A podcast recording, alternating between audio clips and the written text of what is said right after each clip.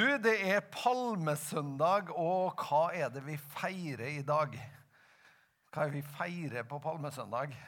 Jeg tenker, altså det er jo En ting er at Jesus rei inn i Jerusalem, men er ikke fantastisk at han har ridd like inn i våre sine liv òg? Han har ridd inn, altså, og Han lyktes ikke det, med det i Jerusalem, å ri inn og bli konge, men eh, det er nettopp det han har lyktes i våre liv. Det er å ri inn og få lov å bli konge. Du, det er jo ikke så ofte jeg gjør det sånn at jeg, jeg tar utgangspunktet i de tekstene som, eh, som, på en måte omhandler søndagen vi er i. Men jeg har veldig lyst til at vi skal gjøre det nå i dag. Går det bra?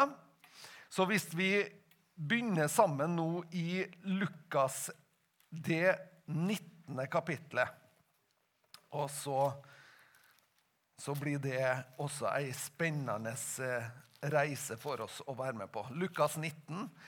Der skal vi lese fra vers 28. Da han hadde sagt dette, gikk han videre oppover på vei til Jerusalem.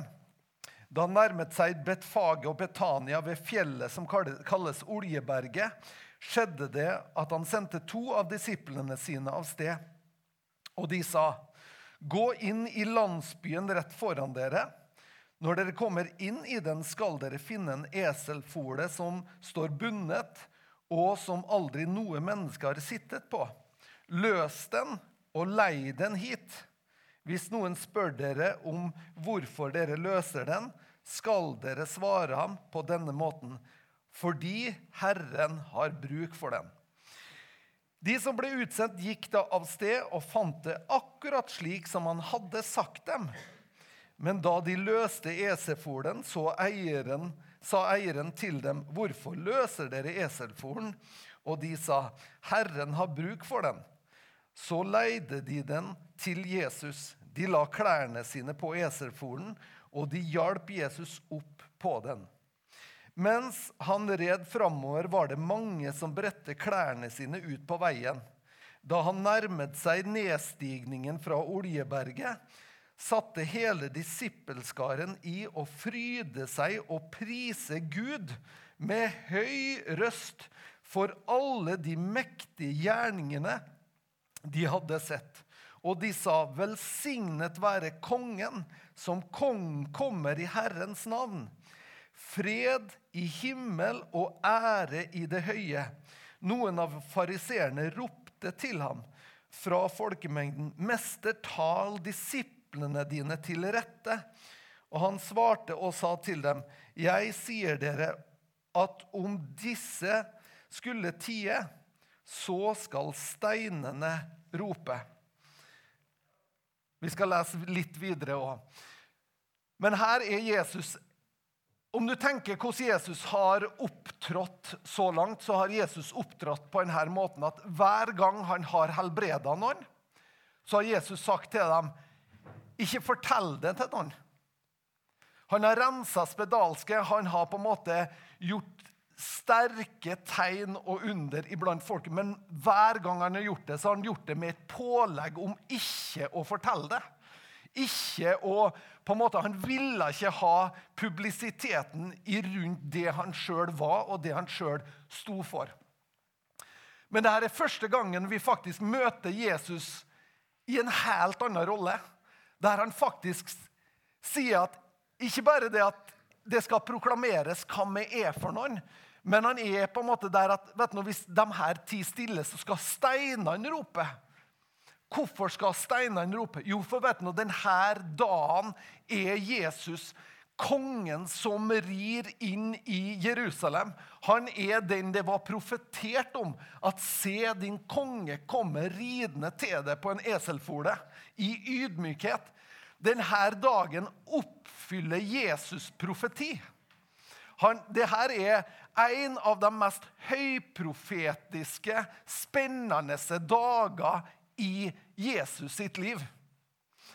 Selvfølgelig er resten av påska det også, men rent profetisk så kommer Jesus og tilbyr israelsfolket å opprette fredsriket.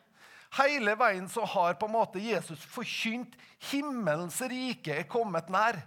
Se, himmelens rike er så dere kan strekke dere etter og ta det. Det her sammenfall, Jesus sammenfall med Daniel sine 70 åruker, hvor, hvor 69 av årukene hadde gått, og det høyprofetiske var helt der. Ikke sant? Og så kommer Jesus, og så tilbyr han israelsfolket. Det er helt rett når de roper ut på palmesøndag. Så roper de ut Hosianna, Davids sønn. Det de roper ut, er 'frelse nå'. Ifra Davids sønn. De roper ut at kongen har kommet. Den Messias dere har venta på, har kommet. Det er det de roper. Det er det palmesøndagen er. Palmesøndagen er at kongen faktisk kommer. Men de skriftlærde, i stedet for å gi hyllingsropa, i stedet for å stille seg sammen med skaren som priser Gud for hans mektige gjerninger, så stiller de heller spørsmål ved hans autoritet og hvem han egentlig er. For han kom ikke sånn som de hadde forventa. Og så fortsetter Jesus og hør hva han sier her, for dette er også ganske sterkt. Da han nærmet seg fikk, og fikk se byen, gråt han over den og sa, Og du, om du bare på denne din dag hadde visst hva som tjener til din fred. Men nå er det skjult for dine øyne. For dager skal komme over deg da dine fiender bygger en vold rundt deg, omringer deg og trenger seg på deg fra alle kanter. De skal jevne deg og dine barn som er i deg, med jorden. Og de skal ikke la det bli stein i, tilbake på stein i deg, fordi du ikke kjente din besøkelsestid. Og så står det videre i, her om at Jesus går opp og så renser han tempelet. Det her var ei tid, det var ei høyprofetisk tid, men allikevel så kjente de ikke igjen Jesus når han kom. Og det her er Gud som faktisk handla for vår del. Fordi Gud tilbyr israelsfolket å opprette sitt fredsrike, sitt messianske rike, som de venta på. Men når Jesus renser tempelet, så stiller de spørsmål ved autoriteten hans. Er ikke det spesielt? Med hvilken autoritet gjør du det her? Og så svarer Jesus ikke på det spørsmålet. Men du skjønner at det israelsfolket og israelsfolkets lederskap hadde forventa seg, det var at Messias skulle komme med militær autoritet og makt for å frigi dem ifra dem som undertrykte dem, ifra det romerske okkupasjonsmakta. Det var forventninga de hadde. Så de forventa en annen autoritet som skulle fri dem utafra. Ikke sant? Mens Jesus kom med en autoritet til å sette mennesker i fri innifra. Og det gjenkjente de ikke. De gjenkjente ikke at Jesus var den som skapte fred på innsida. Han var den som åpna hjertet, han var den som åpna liv. Han var den som på en måte hadde autoritet, faktisk, til å stifte fred på innsida. Og fred på innsida det er mye mer dyrkjøpt enn fred i det ytre. Politisk, politisk fred kan omskiftes. Politisk og det, i det ytre, det kan omskiftes. Men det som skjer på innsida Ingen fengselsmurer kan ta fra oss den freden vi har på innsida. Den friheten vi har i vårt indre, kan ingen ta ifra oss. Men det gjenkjente de ikke. Og vet du nå, denne historien den er gjengitt også i alle andre evangelier. La oss gå til Matteusevangeliet, det 21. kapittelet. Er det greit at det blir litt sånn bibellesning i dag? 21. kapittelet, og der skal vi lese ifra vers 1.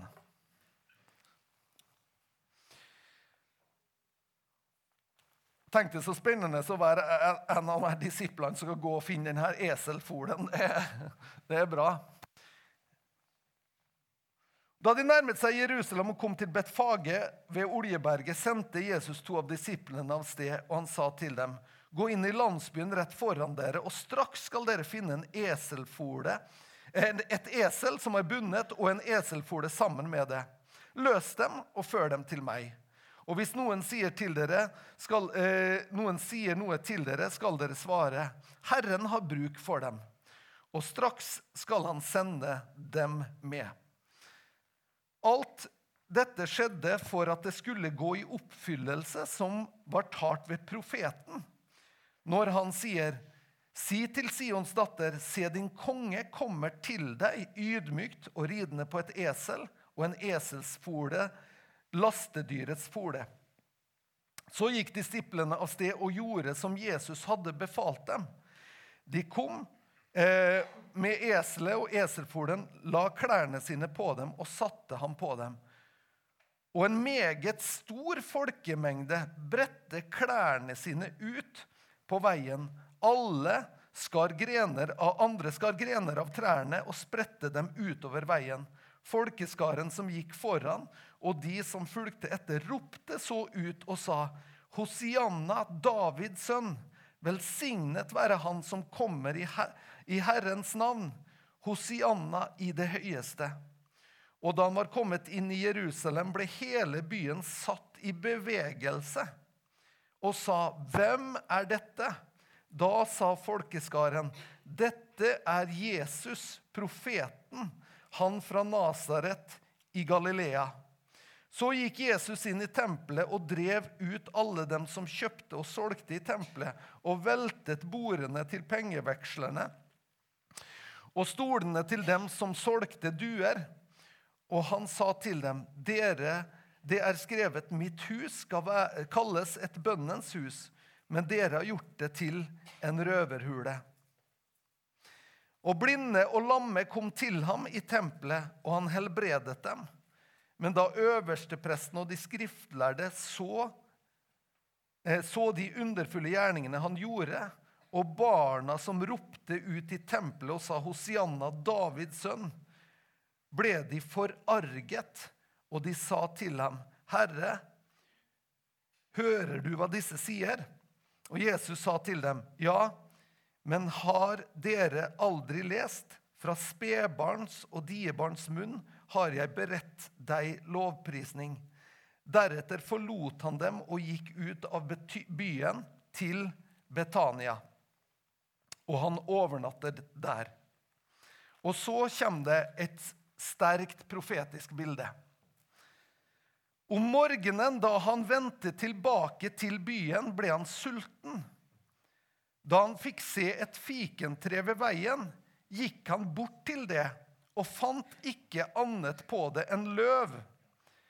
Da sa han til det, aldri i evighet skal det vokse frukt på deg og straks visnet fikentreet. Da disiplene så det, undret de seg og sa, 'Hvordan kunne fikentre visne med det samme?' Da svarte Jesus og sa til dem, 'Sannelig, jeg sier dere, hvis dere har tro og ikke tviler, skal dere ikke bare kunne gjøre dette med fikentreet, men også om dere sier til dette fjellet, løft deg og kast deg i havet, skal det skje.' Og alt det dere ber om i deres bønner som troende, det skal dere få. Det her er, For meg så er dette ei uforståelig historie i utgangspunktet. Jesus han er sulten, og så går han bort til et fikentre, og det er ikke tid for fiken. Og når han da finner ut det som på en måte alle forventa, at det ikke er tid for det, så, så tilsynelatende så blir han sur. Og forbanner treet. Det er litt spesielt. Men fikentreet er et bilde på Israel. Så det Jesus gjør påfølgende dag, er ei profetisk handling. Når Jesus kommer til Israel, og Israel tar ikke imot den På denne din dag, på din besøkelsestid, tar de ikke imot den. Akkurat på samme måte så er fikentreet et bilde på Israel. Et bilde på Israel. Jesus kommer til fikentreet og vil ha frukt av det, men det er ikke tid for det ennå. For det er profetisk tid for noe annet, noe nytt. Så Jesus forbanna fikentreet, og så sier han aldri i evighet skal det vokse frukt på det igjen. Men det greske ordet som vi oversetter ofte i vår bibel for som evighet, det er tidsalder. Aion, ordet aion, som betyr tidsalder. Så det Jesus sier til fikentreet, han sier at i den kommende tidsalder skal det ikke vokse frukt på det. Så det som skjer, er det at Israel som nasjon tar ikke imot sin konge og sin Messias de på en måte takker nei til det, denne besøkelsestida ifra Gud. Og på en måte kan du si at Gud parkerer sin handling med Israel der. Han parkerer det, og så kommer den nådens tidshusholdning som Paulus fikk åpenbaringa om. Det var noe nytt. Det var noe som ikke var kjent fra før. At det, nå kommer det ei tid der nåden skal få lov å, å, å være det. For det som, hadde, det som hadde regjert til da, det var loven. Det var buda, det var reglene, det var forskriftene. Det var alt du måtte følge, alt du måtte få i hop. Det måtte følge. Så når Jesus forbanna fikentreet, så sier han nettopp det her. Fordi at Israel ikke tok imot på denne din store dag på denne din dag, så går plutselig evangeliet ut, og nådens tidsalder kommer, og evangeliet blir tilgjengelig for oss alle sammen. Vi hedningene, som de kalte oss den gangen, vi får del av det her. Vi som var utafor, vi som ikke på en måte var en del av Guds utvalgte folk. Betyr det at Gud har forkasta Israel? Nei, det gjør det ikke. Paulus er veldig tydelig på at Gud har ikke forkasta Israel, men han handler på en ny måte. Og han skal gjøre dem to til ett, står det. Israel og menigheten skal han gjøre til ett. Så det her, når vi feirer palmesøndag, så er det faktisk en sånn skikkelig høyprofetisk dag vi feirer. Og vår feiring er faktisk også det, da at evangeliet får lov å komme til oss som var utafor i utgangspunktet. Vi som ikke hadde del av det. Det er på denne dagen på en måte vi får delaktighet i evangeliet. Og evangeliet går ut til alle nasjoner og alle stammer og folk. Og det er også her evangeliet blir på en måte det som nettopp rir inn i våre liv det som kommer til våre liv som et berøringspunkt, og der vi på samme måte har mulighet til å se det og ta imot det. Se at evangeliet kommer ridende til oss, at Jesus kommer til oss i våre personlige liv. Og hva gjør vi med det? Er det bare en vanlig dag for oss? Er, på en måte, er det bare en vanlig dag der Ja, ja, det var litt som skjedde i Jerusalem i dag. Eller er det sånn at det finnes besøkelsestider? Det finnes ganger da du og jeg kan få lov å ta imot. At Gud besøker livet vårt på en sånn måte at vet du, det er viktig at vi ser det. Det er viktig at vi ta, åpner opp og tar det imot. For Gud ønsker å berøre livet vår. Han ønsker å komme til oss. Han ønsker å ri inn i livet vår og bli konge. Og bli den som vi kroner som konge, som vi gir ære som konge, som vi løfter opp i våre liv og sier at vet du nå, Jesus, du har bedre peiling på mitt liv enn jeg sjøl har. Kan denne palmesøndagen bli for oss en påminnelse om at Jesus ønsker å være noe mer også i våre liv? Han ønska å være noe mer i Jerusalem når han rei inn i Jerusalem. Han ønska å være noe mer enn bare den det gikk litt rykter om. Ja, du vet han som I Johannesevangeliet, hvor det her står i Johannesevangeliet, så står det at grunnen til at det ble sånn oppstandelse, var på grunn av at han hadde vekt Lasarus opp ifra de døde. Og Derfor så gikk alle imot den ut imot Betfage. Det var der Lasarus bodde. Og det var det som gjorde noe av denne, denne, det her liksom oppstyret i byen. For de tenkte wow, det her må være kongen. Men så ser vi at pga. at de ikke tar imot den, så er det på en måte den samme folkeskaren som bare seks dager etterpå roper 'korsfest'.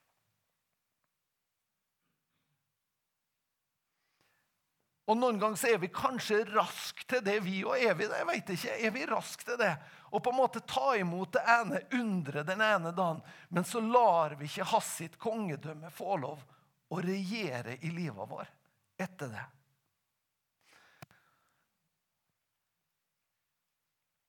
Jeg tenker det.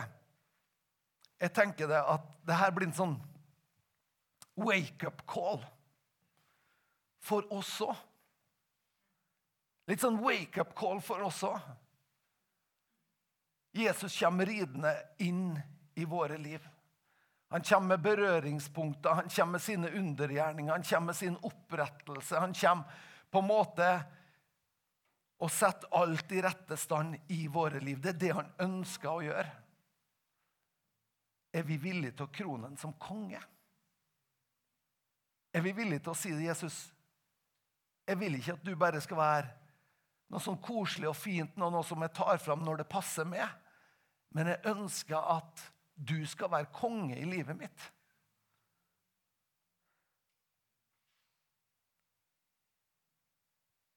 Kan vi si det? Jesus, noe mer enn bare litt på sida. Jeg ønsker å invitere deg helt inn. Jeg ønsker å gi det plassen på trona i mitt liv. Kan vi si det?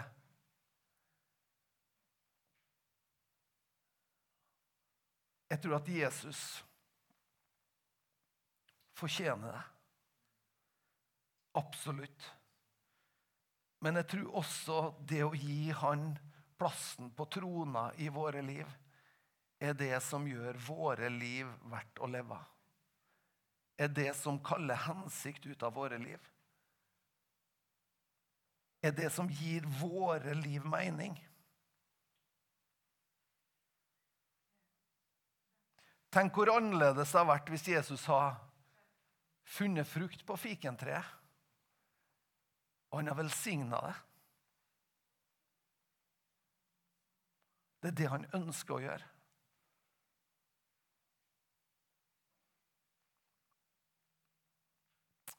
Halleluja.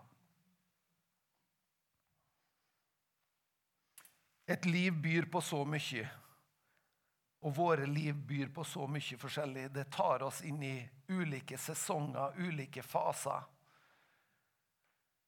Noen ganger kan livet på en måte føre oss veldig nært Gud. Livet kan gjøre sånn at vi blir veldig avhengig av Gud. Vi blir avhengig av å søke Han. Noen ganger så er det faktisk sånn at livet også tar oss bort ifra Gud. Vi kjenner at vi klarer oss ganske godt uten, faktisk.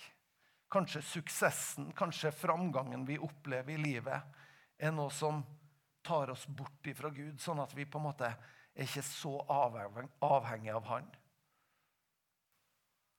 Ellers er livet krevende for oss, og da kanskje vi klynger oss mer til Han. Men jeg tenker egentlig at samme hva livet byr oss, så vil herredømmet hans være viktig for oss. Du ser David når han skriver i sine salmer, så er noen ganger er han helt der oppe. Og noen ganger er han veldig lavt nede. Han anklager nesten Gud enkelte ganger. Men samtidig så er det sånn at han ender alltid opp med å prise Han, med å oppløfte Hans sitt navn. Skal vi bare ta og be sammen til slutt nå? Og jeg vet at en sånn formiddag som det her, vi feirer påske, og vi har en eh, Flere av oss har på en måte planer for denne påska, og vi er, noen har ferie, og, og det er litt sånn forskjellig. Men når vi er her i formiddag, kan vi ikke også bare være her med livet vårt og det livet vårt inneholder i dag? Og så kan vi legge livet vårt fram for Gud, og så, og så gir vi ham til Han. Hvis du og jeg kan våge å si, 'Jesus, jeg gir deg livet mitt'. Om vi kan våge å si, 'Jesus, jeg vil' at du skal krones som herre. Jeg vil si Hosianna, frels nå, du Davids sønn, du Messias, du kongenes konge. Berør mitt liv. Jeg vil si det. Kjære Herre Jesus. Jeg ber Herre om nåde over våre liv til å se vår besøkelsestid. Se det du har beredt for oss. Se det du har åpna opp for oss, Herre. Se hva ditt herrevelde betyr, Herre, i våre sine liv. Kjære Jesus, må vi få lov å krone det som konge i livet vår. Må vi få lov å løfte det opp i den høyeste posisjonen i våre liv. Takker, Herre, at vi får lov å erfare din godhet, Herre. At vi får lov å erfare at du har bare godt for oss, Herre. Og at den tryggeste plassen vi kan være, Jesus, det er med å ha det som konge i våre liv. Takker deg for det, Herre. I Jesu navn. Amen. Amen.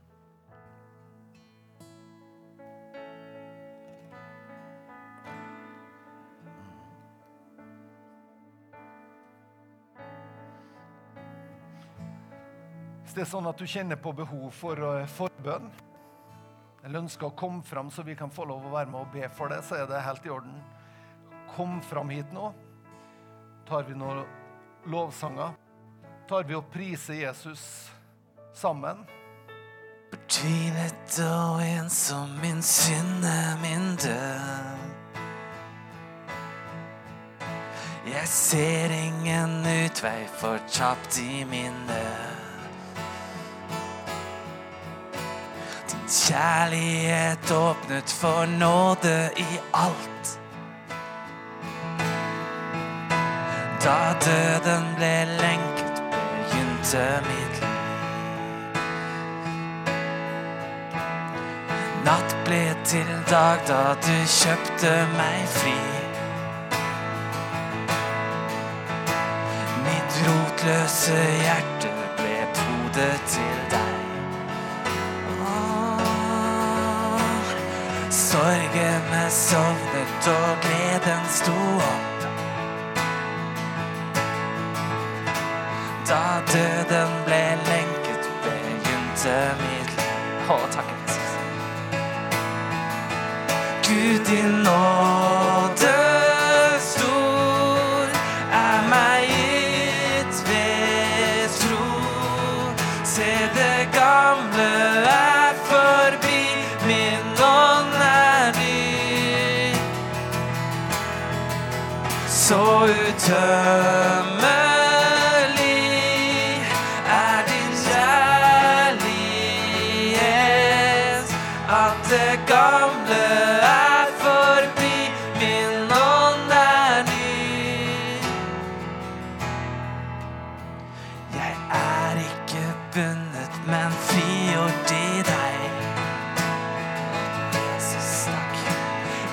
har ingen skam, du har sonet for meg. Min gjeld er betalt, og du kaller meg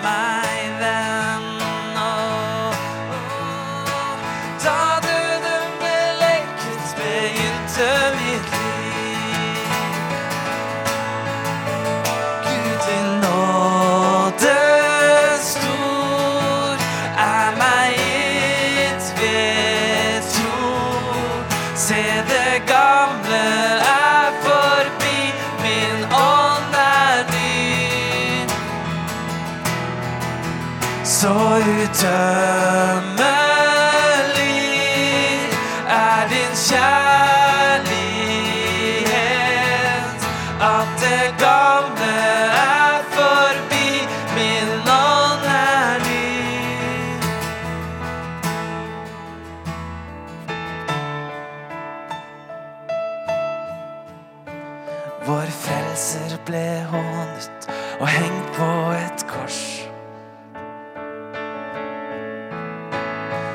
Dødsriket tok ham og tenkte de vann. Men Jesus sto opp, og i ham er vi fri.